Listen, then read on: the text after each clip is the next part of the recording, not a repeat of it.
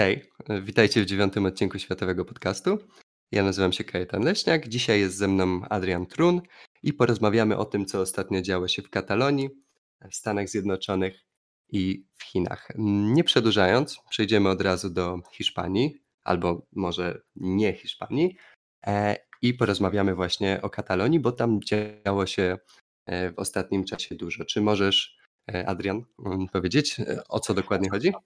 Oczywiście. E, niedawno, bo 14 lutego, miały wybory, e, miały miejsce wybory lokalne w Katalonii. Katalonia to bardzo ważna część składowa e, monarchii hiszpańskiej odpowiada za 20% hiszpańskiego PKB, posiada aż 15% populacji ogólnej Hiszpanii, a oprócz tego Katalonia jest znana z wielu świetnych rzeczy. Ma świetną turystykę, ma bardzo znany klub piłkarski, który jest jednym z najważniejszych na całym świecie i generuje też bardzo dużą e, wartość turystyczną dla rejonu. W Barcelonie mamy piękne monumenty e, projektu Gaudiego, chociażby sama Wielka Katedra Sagrada Familia, która jest zbudowana, jest symbolem Hiszpanii jeśli w ogóle nie największym, nie najbardziej znaczącym. Dlatego te wybory mają bardzo dużą wartość, ponieważ tu trzeba e, mocno podkreślić, Katalonia ma duże tendencje separatystyczne, co jest zagrożeniem dla trwałości e, monarchii hiszpańskiej, ale też całego kraju, który jest złożony z wielu jednostek autonomicznych i rejonów, które też bardzo chciałyby zwiększyć swoją autonomię lub w krytycznym nawet momencie ogłosić niezależność. I tutaj można Kajetanie zobaczyć na wyniki tych wyborów. Pierwsze miejsce zajęli socjaliści z Partii Socjalistycznej Katalonii. Partia unionistyczna, współpracująca z obecnie rządzącą w Hiszpanii, Hiszpańską Socjalistyczną Partią Robotniczą, i ta partia, ten oddział powiedzmy, e, tej głównej partii matki, zdobył wynik 23% głosów, co jest wzrostem o prawie 8 punktów procentowych w stosunku do ostatnich wyborów z 2017, co dało im 33 mandaty. To jest bardzo dobra wiadomość dla zwolenników e, Unii, zostania e, Katalonii w Hiszpanii, Jednakże wobec tego, co zaraz powiemy, nie pozwala unionistom spać spokojnie ponieważ największą e, partią opozycyjną, która będzie miała bardzo duże możliwości w formowaniu rządu późniejszego, jest e, republikańska lewica Katalonii, która dosłownie za plecami e, Partii Socjalistycznej zdobyła 21,3% głosów, co jest nieznacznym spadkiem w porównaniu do ostatnich wyborów co dało 33 mandaty. Jest to wzrost o jedno miejsce, ale jak można zauważyć, wynik Partii Socjalistycznej, która opowiada się za zostaniem Katalonii w Hiszpanii, zrównał się z wynikiem Partii Secesjonistycznej. Wobec tego, jak można się domyśleć, bardzo ważne e, będzie, jakie miejsca zajęły następne partie. I tu nie ma zbyt dobrej sytuacji dla e, zwolenników e, pozostania Katalonii w Hiszpanii, ponieważ trzecie miejsce zajęła partia secesjonistyczna Junts per Catalunya, Razem dla Katalonii, która ma profil e, liberalno secesjonistyczny, a jej liderem duchowym jest e, przebywający na emigracji e, Karl Puigdemont i ta partia zdobyła 20,1% wszystkich głosów, co daje aż 32 mandaty. Kajetanie, co sądzisz o tych pierwszych trzech wynikach? Czy mają one znaczenie definitywne dla możliwości formowania rządu w Katalonii? Znaczy, znaczenie mają bardzo duże. I nie do końca wiadomo, co się stanie w najbliższych dniach, bo prędzej czy później e, będzie musiał zostać uformowany jakiś rząd. E, opcje są tak na dobrą sprawę dwie. To znaczy, albo powstanie koalicja tak zwana lewicowa albo koalicja separatystyczna, czy jak kto woli niepodległościowa.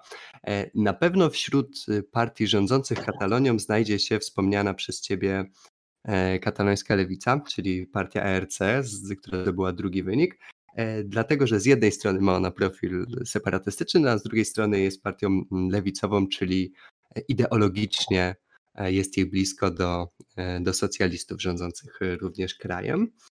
E, ciekawą sprawą jest partia Huns, o której też wspomniałeś, ponieważ ona ma profil separatystyczny, ale jest taką partią mm, nie do końca e, jednolitą ideologicznie. To znaczy e, wiodącym, mm, wiodącym czynnikiem przy formowaniu tej partii jest chęć osiągnięcia niepodległości. Dlatego w jej środku jest bardzo dużo osób z różnymi poglądami, dlatego też niekoniecznie wszyscy, nawet mm, dążący do niepodległości, chcą z nimi współpracować, gdyż, gdyż są no, po prostu niespójni ideologicznie. Dlatego też nie wiadomo, czy zostanie utworzona koalicja niepodległościowa, ponieważ potrzebna jest do niej jeszcze trzecia partia CUP, która nie do końca z Hunc chce współpracować. No ale powiedzmy, że wybiegamy teraz w przyszłość. E, jaka Dokładnie. zostanie koalicja mm, złożona ostatecznie, zobaczymy. Najprawdopodobniej będzie to jednak niepodległościowa, e, szczególnie, że teraz w Katalonii e, dzieją się rzeczy, które raczej nie zwiększają szans na, na koalicję lewicową. A to dlatego, że jeżeli ktoś z Was oglądał wiadomości w ostatnich czasach, to na pewno przewinęła się Wam E, przewinęły się wam obrazki e, walk ulicznych może, może jakichś wiem, płonących e, śmietników w Barcelonie czy, czy w Walencji, może jakichś protestów w Madrycie. A to dlatego, że kilka dni temu do więzienia trafił pewien raper, Pablo Hassel, i trafił do niego za mm, szereg różnych wybryków, powiedzmy. Jednymi z nich były rzekome usprawiedliwianie terroryzmu czy E, obrażanie korony. Ja mam tutaj takie e, trochę przewrotne pytanie do ciebie. Adrian, czy ty w ogóle kiedykolwiek słyszałeś e, o takim człowieku jak Pablo Hassel, zanim on trafił do więzienia? Cóż, o tym e, artyście nie słyszałem ani słowa, natomiast wiem, że e, każde wystąpienie osoby bardziej rozpoznawalnej w Hiszpanii przeciwko ustrojowi, przeciwko kruchemu kompromisowi, który trzyma kraj e, w ryzach, ponieważ pamiętajmy, że Hiszpania jest naznaczona e, dyktaturą Franco, wojną domową i bardzo łatwo e, jest podgrzać społeczne nastroje krytykom choćby jednego elementu odziedziczonego po burzliwej historii XX wieku. I tutaj mamy przykład idealnego wbijania szpili w establishment, w pewne ugrupowania, które e, próbują utrzymać, skleić tą Hiszpanię. Więc nie, wcześniej nie słyszałem, aczkolwiek jego sprawa jest bardzo istotna dla e, ładu e, publicznego w Hiszpanii. No właśnie, jakby masz stuprocentową rację, ale zadałem Ci to pytanie, dlatego że sam z ciekawości, robiąc research w tej sprawie, zacząłem sobie czytać o, o sobie Pablo Hassela i wszedłem na jego kanał na YouTubie i okazuje się, że on, przynajmniej w moim mniemaniu, wcale artystą znanym nie jest. To znaczy, e, ma naprawdę mnóstwo utworów, jest e, niesamowicie produktywnym artystą, bo ponad 200, przepraszam, ponad 800 filmów e, z na YouTube, YouTube. W większości są to, są to utwory muzyczne, ale ich wyświetlenia oscylują w granicach 10 tysięcy, 20, czasem to są 2-3 tysiące wyświetleń. Dlatego tu e, zdecydowanie warto podkreślić, że nie chodzi o nie wiem, osobę, która porywała tłumy. Tu bardziej chodzi rzeczywiście o to, co ty powiedziałeś, że e, jest to ktoś, który wyskoczył przez szereg i, i powiedział rzeczy, które mm, przynajmniej przez establishment hiszpański są, są nieakceptowalne i e, dosyć paradoksalnie sprawiło to, że stał się osobą znacznie bardziej popularną niż był wcześniej i jego poglądy być może mm, trafiają teraz na dużo szersze pole. E, dlatego chociażby, że e, najpopularniejszy film na jego kanale to jest utwór, który został wrzucony e, tydzień temu i ma już ponad milion wyświetleń, podczas gdy do tej pory żadna jego piosenka nie była przesłuchana tyle razy. Więc ciekawy jestem, czy ten wyrok w pewnym sensie nie odwróci się przeciwko temu establishmentowi, który z jednej strony być może chciał go ukarać, uciszyć, no a z drugiej strony e, otworzył jego mm, sztukę, jego poglądy na, na szerszą grupę e, odbiorców. No ale już nie mówiąc o samej osobie Pabla, niech porozmawiajmy chwilę o tym, co on faktycznie zrobił, powiedział, zarapował, że, że trafił do tego więzienia. Ja robiąc research trafiłem na artykuł, który w dosyć fajny sposób pokazywał no, skrótowo powiedzmy dokumenty sądowe i podawał cytaty, mm, na podstawie których Kobla Hassel został skazany. E, zaczniemy może od usprawiedliwiania czy pochwalania terroryzmu. Otóż na pewno ty, jak i nasi, słucha nasi słuchacze słyszeliście o takich grupach terrorystycznych jak ETA, organizacja Konfederacja Baskijska, która jeszcze do niedawna była aktywna, teraz już, już nie działa, ale ma na swoim koncie szereg zamachów terrorystycznych i również e, ofiar śmiertelnych, czy to wśród polityków, czy to wśród e, policjantów, czy, czy ofiar cywilnych. E, I na swoim Twitterze czy w niektórych tekstach Pablo Hassel pozdrawiał niektórych członków ETA jako aktywistów, działaczy sprawiedliwych, którzy chcieli nas uwolnić, nas Hiszpanów, a trafili do więzienia bądź zostali zabici. Czy na pewno większość osób zgodzi się, że może nie jest to fajna rzecz do powiedzenia, może nie powinniśmy mówić takich rzeczy, czy faktycznie powinno się trafiać do więzienia za to, nie wiem, może, może ty, ty powiesz, Adrian. Przede wszystkim e, tutaj e, w sprawie Pablo Hasela e, mamy przykład tego, że rzecz skandaliczna powoduje zwiększenie popularności. I tutaj niewątpliwie to, co Pablo Hassel w swojej twórczości propaguje, w pewien sposób jest antyestablishmentowe i na pewno zbiera popularność wśród ludzi, chcących pewnej zmiany. Bo trzeba pamiętać, że mimo, że w Hiszpanii jest zawsze gorąco, to mimo wszystko y, są dwie partie główne rządzące. Partia ludowa, centroprawicowa i e, PSOE, czyli partia e, mająca dość długą tradycję, bo już w XX wieku, już przed rządami Franco była główną siłą polityczną Hiszpanii, czyli Hiszpańska Socjalistyczna Partia Robotnicza. Te dwie partie mimo różnic ideologicznych zgadzają się powiedzmy do e, tego, w jaki sposób Hiszpania powinna funkcjonować. Natomiast Pablo Hassel należy do nurtu ludzi chcących gwałtownej przebudowy Hiszpanii. Występuje przeciwko większości e, fundamentów e, Hiszpanii, tak? Bo mamy tutaj pochwałę tych ruchów separatystycznych. ETA, będąca mm, zbrojną siłą walczącą o niepodległość kraju Basków, narodu baskijskiego, który ma bardzo długą historię i e, patrząc na pochodzenie Basków, gdzie ich język w ogóle nie jest podobny do jakiegokolwiek języka europejskiego, ten, ten endemit, który e, jest pozostałością po e, ludach, które jeszcze żyły przed przybyciem grup indoeuropejskich, pokazuje E, nieustanną chęć e, samostanowienia o sobie. I jeśli chodzi o ETę, potrafiła terroryzować całą Hiszpanię. W 1973 roku e, doszło do skutecznego zamachu, bardzo głośnego zamachu na frankistowskiego premiera Luisa Carrero Blanco, ETA zasłynęła tym zamachem, ponieważ w sposób charakterystyczny samochód wyleciał na szóste czy nawet wyższe piętro, więc yy, Hiszpania bardzo podzieliła yy, zdolność yy, ETY do popełniania czynów terrorystycznych. Oczywiście ETA już nie istnieje od wielu lat. Ona została rozwiązana, chcąc umożliwić miejscowym politykom w sposób demokratyczny i pokojowy uzyskiwania jakichś dodatkowych praw. Natomiast jeśli chodzi o Pablo Hasela, jego sprawa nie będzie wygaszona zbyt szybko, bo trzeba pamiętać, że y, w przeciwieństwie do y, polityków, którzy uważają, że wyrok skazujący dla niego jest jak najbardziej słuszny, to nie do końca się z nim zgadzają środowiska artystyczne. Y, trzeba pamiętać, że został podpisany apel o jego uwolnienie, który zebrał aż 200 znaczących artystów, reżyserów, aktorów, filmowców, domagających się jego uwolnienia. Więc Kajetanie, myślę, że tutaj jako znawca tego tematu możesz tutaj e, jeszcze bardziej to rozwinąć, pokazać nam w jaki sposób, e, co może się stać z tym haselem. I czy to jest e, tak, znaczące dla wyborów w Katalonii, do których jeszcze wrócimy?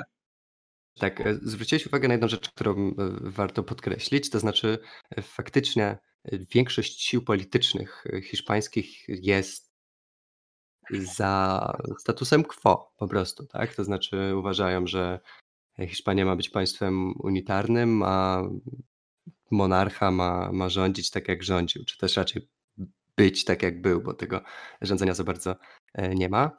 E, I jest pewien dysonans między, między polityką a, mm, a, a społeczeństwem, a ludźmi. To znaczy dużo więcej deputowanych, reprezentantów e, populacji na, na szczeblu instytucjonalnym wspiera monarchię niż faktycznie Hiszpanów, tak? To znaczy 80% deputowanych należy do partii, które są za monarchią, a w, wśród populacji tych ludzi, którzy wspierają monarchię, to jest 30-40%, czyli mamy z jednej strony bardzo duży dysonans. Jeżeli chodzi o wpływ Pablo Hasela i, i jego sprawy na, na politykę, chociażby katalońską, no to mm, największy on jest w tym, że świetle protestów, które teraz y, wybuchły, partie takie jak y, RC, czyli ta mm, katalońska lewica, zwracają uwagę na brutalność policji, podczas gdy na przykład y, partia socjalistyczna twierdzi, że jakakolwiek przemoc jest nieakceptowalna i winę ponoszą, e, ponoszą ci, którzy wychodzą na ulicę i rzucają kamienie na przykład. Czyli już mamy e, jakby pewne tarcie na tej płaszczyźnie. Na, jeżeli mamy sobie odpowiedzieć na pytanie, czy te partie e, wejdą w koalicję, no to możemy, e, możemy teraz powątpiewać. Ciekawe jest też to, że mm, sprawa odpowiedzi na protesty generuje konflikt w samej e, w samym rządzie hiszpańskim. To znaczy, rząd hiszpański jest złożony z szeregu partii. Sama ta lewica katalońska również go wspiera często, no ale podstawowymi częściami jest Partia Socjalistyczna i, Podemos, czyli partia troszkę bardziej na lewo od, od PSOE. E, I tutaj główni politycy Podemos jakby są z jednej strony przeciwnikami wyroku i nawołują do tego, żeby Pablo Hasela uwolnić i żeby dokonać zmiany mm, jakby systemu sądownictwa i, i, i karnego w Hiszpanii, E, ale też zwracają uwagę na to, że e, znowu w trakcie protestów policja reaguje zbyt mocno, jest brutalność policji itd., tak itd., tak podczas gdy PSOE twierdzi, że wszystko jest spoko i ci e, brutalni młodzieńcy, komuniści wychodzący na ulicę są przestępcami i trzeba z nimi twardo. Więc mm, ta koalicja w ogóle hiszpańska jest no, może nie najmocniejsza, powiedzmy tak, jest bardzo dużo różnic ideologicznych i ta sytuacja Pablo Hasela, Katalonii jedynie dodaje powiedzmy oliwy do ognia. Raczej bym tutaj e, nie przewidywał rozpadu tej koalicji, bo już jest już wystarczająco długo na warunki hiszpańskie ona wytrzymała, żeby teraz upadać, ale e, na pewno w najbliższym czasie jeszcze troszkę ze sobą powalczą. E, dosyć długo mm, się rozgadaliśmy na ten temat y, kataloński, bo rzeczywiście jest o czym mówić i polecam Wam wszystkim faktycznie się z nim zapoznać głębiej. Możecie się zapoznać z działalnością artystyczną Pablo Hasela. Ja osobiście przesłuchałem e, parę tych piosenek. Ja, mnie nie przekonały, ale może Was, może was przekonałem. Jak lubicie sztukę hiszpańską, to, to czemu nie? E, teraz Co lubi, z... myślę, że warto jak najbardziej. Tak, oczywiście. No, zapoznajcie się, jest to, jest to element kultury. E, teraz z ciepłej, mimo wszystko, Katalonii e, przeniesiemy się do Stanów Zjednoczonych, w którym w ostatnim czasie było gorąco politycznie, ale dosyć chłodno pod względem pogody i klimatu. I porozmawiamy chwilę o, uwaga, impeachmencie. Niektórzy myślę, że mogli już zapomnieć. Donald Trump zniknął e, nam e, z pola widzenia, chociażby dlatego, że już nie jest prezydentem, nie oglądamy go w telewizji, a jego konto na Twitterze jest cały czas nieaktywne, a przynajmniej on, e, on nie chce na media społecznościowe wracać, ale jeszcze do niedawna, bo w zeszły weekend toczyło się, mówiąc zeszły weekend mam na myśli, 13-14 lutego toczyło się e, postępowanie impeachmentowe i 13 e, lutego, jeśli dobrze pamiętam, Donald Trump został oczyszczony z zarzutów. E, to znaczy w głosowaniu 57 do 43, 57 senatorów i senatorek uznało, że Donald Trump był winny stawianym mu zarzutom, a 43 stwierdziło, że winny nie był. No jednak E, mimo, że komuś może się wydawać, że jest to większość, to e, potrzebne, potrzebnych głosów było 2 trzecie, 67 przynajmniej senatorów i senatorek, e, ta granica nie została osiągnięta. I czy ty w ogóle, Adrian, jesteś zaskoczony tym werdyktem, czy jest... Absolutnie. Mhm. Absolutnie nie jestem nim zaskoczony, ponieważ mimo tego, że Partia Republikańska teraz liże rany po Trumpie, zastanawia się w jaki sposób ma obrać kierunek, czy pielęgnować spuściznę Trumpa, czy być może e, częściowo oddzielić jego pomysły, jak na przykład e, twardsze stanowisko wobec Chin, e, do których oczywiście też przejdziemy, czy chociażby do um, kwestii podatkowych, czy związanych z imigracją do Ameryki, to jednak Partia Republikańska nie mogła sobie pozwolić na y, samobuja de facto, bo przez całą kadencję Partia Republikańska znaczącej, przygniatającej większości wspierała wszystkie y, pomysły Donalda Trumpa i y, pewien poziom kompromitacji jest już tak duży, że nie można się z niego wycofać. Oczywiście, jak zauważyłeś, 57 e, senatorów zagłosowało za uznaniem e, Trumpa za winnego, co musi oznaczać, że część e, deputowanych republikańskich musiała zagłosować za i faktycznie tak było, siedmiu republikanów zagłosowało za. Natomiast wynik poniżej dwóch trzecich jasno wskazuje na to, że nie było takiej możliwości, żeby uznać go za winnego. Mimo, że to narzędzie, jakim jest procedura impeachmentu w ustroju politycznym Stanów Zjednoczonych funkcjonuje, rzadko okazuje się skuteczne, e, nigdy nie okazało się skuteczne wobec urzędującego prezydenta, jest skuteczne wobec poszczególnych urzędników. I tutaj można się zastanawiać, dlaczego procedura impeachmentu została przeprowadzona e, w momencie, kiedy Trump już nie był prezydentem. I tutaj e, Kajetanie, myślę, że możesz tutaj podać nam ciekawy przykład e, pochodzący aż z XIX wieku, na który powoływała, powoły, powoływali się demokraci. Tak, masz rację, że sam fakt w ogóle tego, czy Senat, czy w ogóle Kongres może zastosować procedurę impeachmentu, był szeroko dyskutowany. E, I masz rację, głównym argumentem republikanów było to, że e, Senat e, po prostu, czy Kongres szerzej już nie ma jurysdykcji nad prezydentem, byłym prezydentem Donaldem Trumpem, gdyż zwyczajnie on już tego stanowiska nie pełni. Ten precedens, o którym mówisz, odnosi się do jednego z sekretarzy stanu, który właśnie w XIX wieku był oskarżony o nadużywanie władzy i gdy dowiedział się o tym, że procedura impeachmentu ma zostać zastosowana wobec niego, to szybko złożył dymisję, e, właśnie mając nadzieję, że jako już osoba niepełniąca funkcji nie będzie mógł zostać poddany e, właśnie procedurze. No ale jednak kongres stwierdził e, wewnętrznie, że, że poddany tej procedurze może być i że nie może być tak, że jeżeli ktoś zrobi coś niezgodnego powiedzmy z prawem, czy niegodnego, to będzie mógł uciec e, od konsekwencji właśnie e, poprzez złożenie dymisji.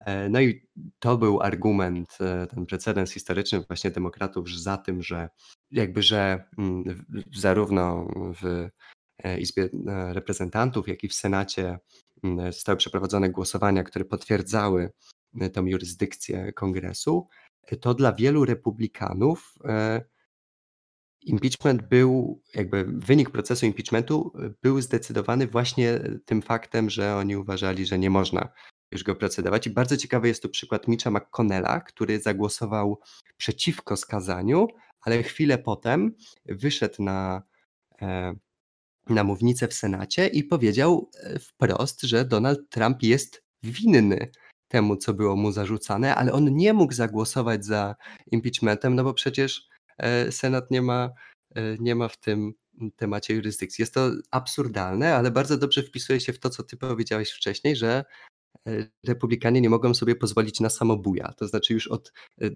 pewnego czasu Donald Trump przebąkuje, czy ludzie wokół Donalda Trumpa przebąkują, że on chce założyć swoją nową partię, partię patriotyczną, która jeżeli powstanie, zabierze część głosów republikanom i de facto mogłaby sprawić, że republikanie już nigdy albo przez następne lata albo nawet dekady wyborów nie wygrają. Dlatego e, wydaje mi się, że to, co powiedziałeś, ma, jest stuprocentową prawdą, że nawet jeżeli republikanie wierzyli w winę Trumpa, to zwyczajnie nie mogli sobie na to, na to głosowanie pozwolić, co pokazuje, jak no, zepsuty od środka e, i zgniły jest ten system amerykański. I wydaje mi się, że jeżeli chociażby impeachment miałby kiedykolwiek przejść, no to wypadałoby E, tak zreformować system partyjny, żeby partii e, w kongresie było więcej niż dwie, które się bardzo nie lubią i, e, i nigdy nie będą głosować wspólnie.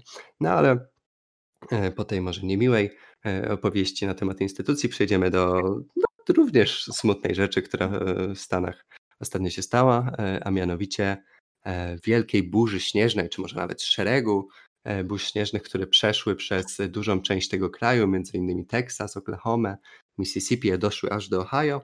E, ale z tych wszystkich stanów Teksas został e, uderzony najmocniej albo może najbardziej spektakularnie, ponieważ przez kilka dni, dwa, trzy, w niektórych miejscach nawet cztery dni miliony ludzi nie miały dostępu do prądu, dostępu do czystej wody, co sprawiło, że zimne, tem niskie temperatury i duża ilość śniegu doprowadziło do śmierci przynajmniej na ten moment wiemy o 60 osobach, najprawdopodobniej to będzie więcej.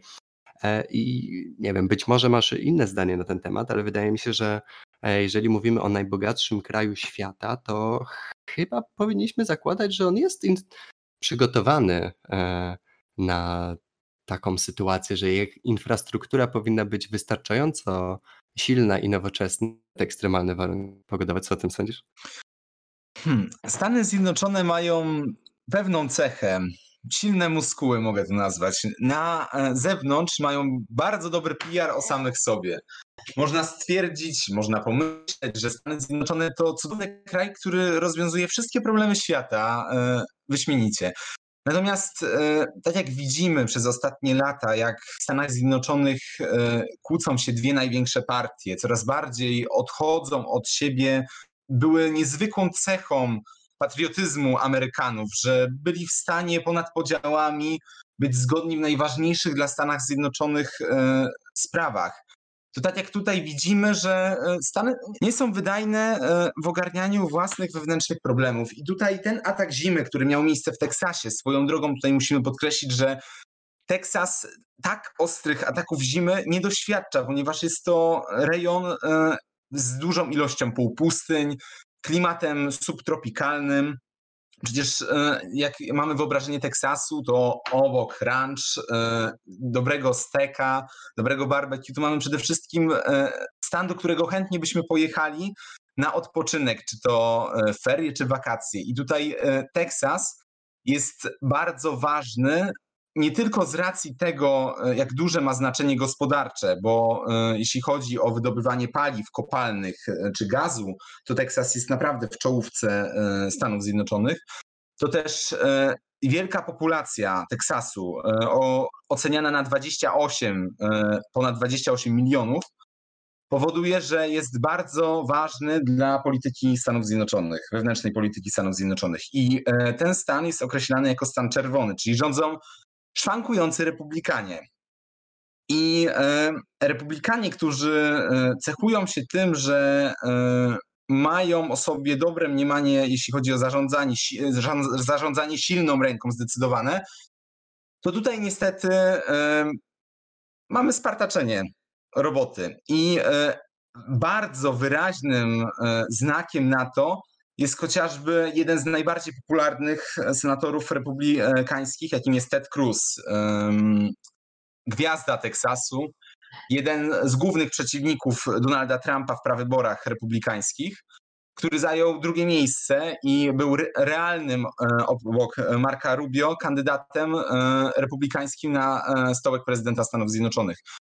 I o co chodzi z Tedem Cruzem? W momencie, kiedy faktycznie, tak jak Kajetanie mówiłeś, ten atak zimy sparaliżował Teksas, doprowadził do tego, że były ofiary śmiertelne zimy, co y, dla nas Polaków na przykład nie jest taką oczywist y, oczywistością, że y, ludzie potrafią ginąć z mrozu. Oczywiście bezdomni jak najbardziej, ale sytuacja Teksańczyków jest na tyle straszna, że e, zawiodły instytucje państwowe, e, tak? E, nie ma, nie ma dostaw prądu, nie ma dostaw ciepła. To nie tak, że ludzie mieszkający na ulicy umierają. Nie, ludzie mieszkający w domach zamarzają.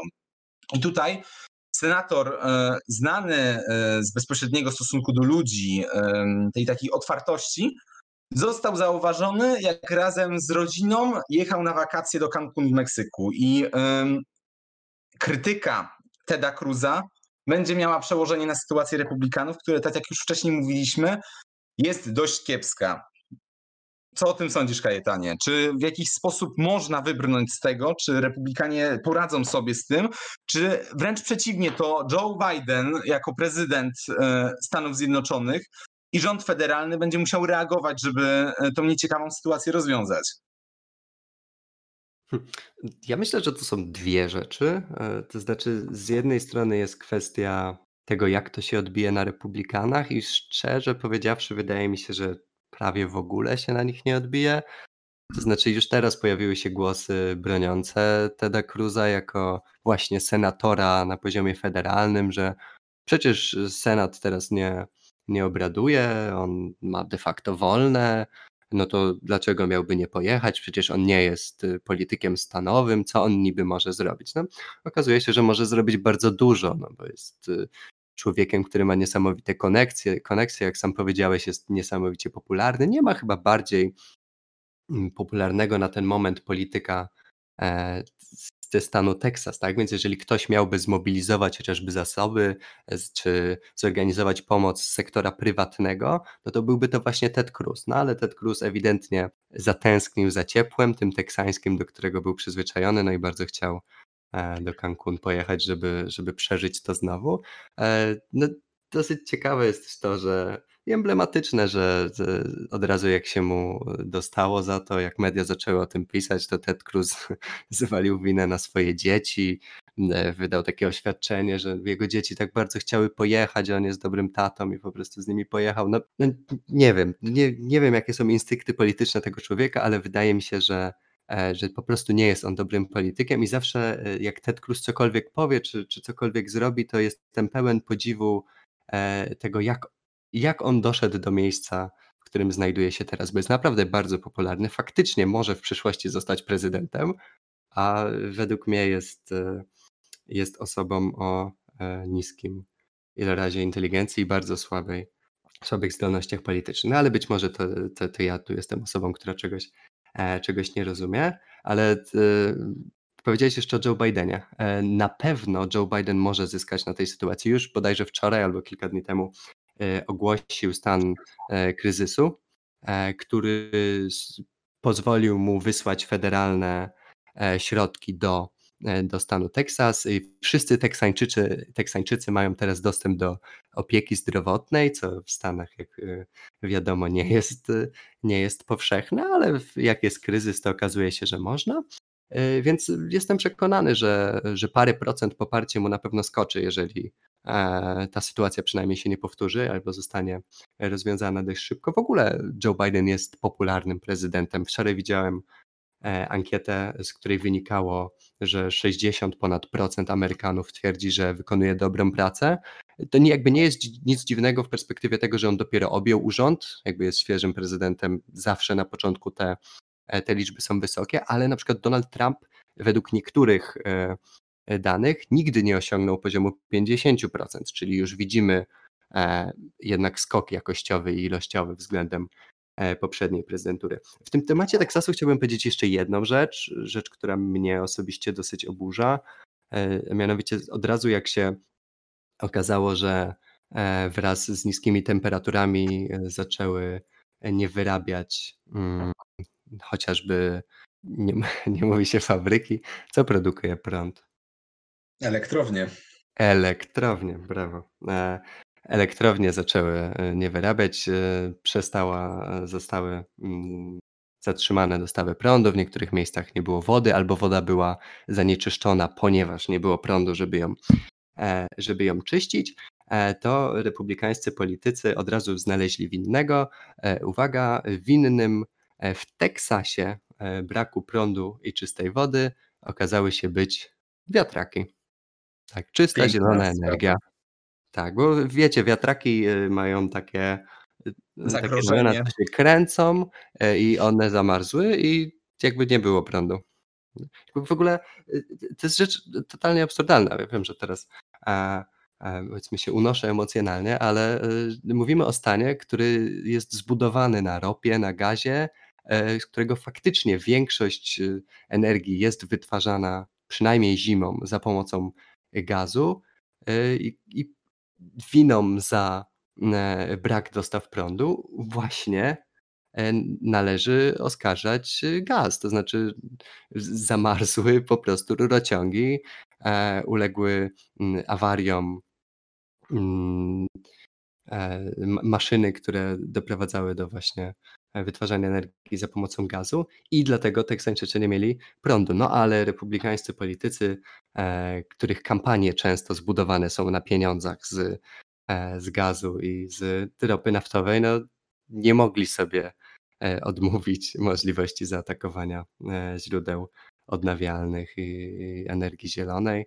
Więc e, jakbyśmy przyznawali na przykład e, teraz e, w lutym nagrodę nie wiem, dzbana roku czy, czy dzbana miesiąca, to myślę, że moglibyśmy ją przyznać albo Tedowi Cruzowi za jego wspaniałą wycieczkę, albo politykom republikańskim, chociażby gubernatorowi stanu Teksas, który był jednym z pierwszych do winienia energii zielonej za, za to, co się stało. No, Naprawdę czasem to bywa niesamowite, jak e, e, największe imperium świata, najbogatszy kraj nie potrafi sobie, tak jak powiedziałeś zresztą Adrianie, poradzić z rzeczami, które no, dla nas wydają się dosyć oczywiście, oczywiste, choć e, jasne trzeba podkreślić, że no, w Teksasie śnieg zbyt często nie pada, no ale być może e, należałoby się zastanowić tutaj, dlaczego on tym razem spadł, tak? Brakowało mi, szczerze, jeszcze powiem na koniec, e, komentarza mm, jakiegoś polityka republikańskiego, który by powiedział, że e,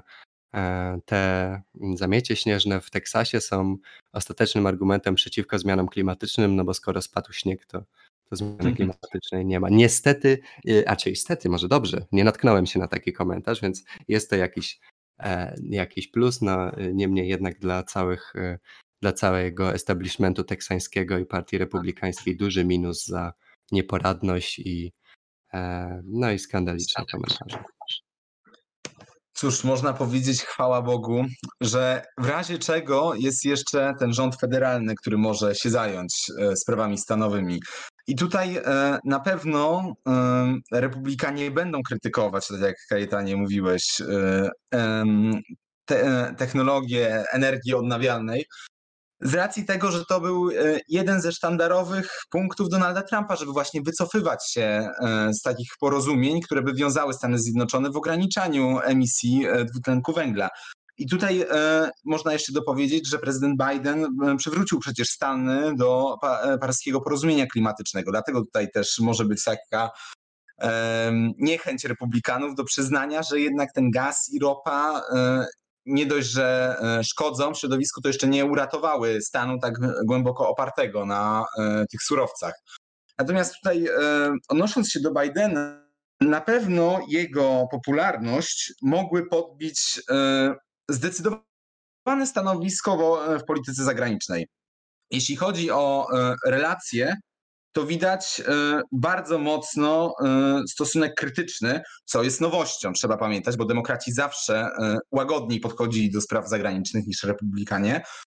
W stosunku do Rosji, którą Biden której prezydent Putin rozmawiał już z Bidenem i nie usłyszał słów pochwały i nawiązań do polityki resetu, którą propagował na przykład Barack Obama na początku objęcia swojej kadencji, ale też bardzo zdecydowane podejście do sprawy Chin. Trzeba pamiętać, że e, podejście zdecydowane Stanów Zjednoczonych do Chin zapoczątkował e, Donald Trump. I to o dziwo może być e, ta spuścizna, która nie będzie negowana przez nową administrację Joe'ego Bidena.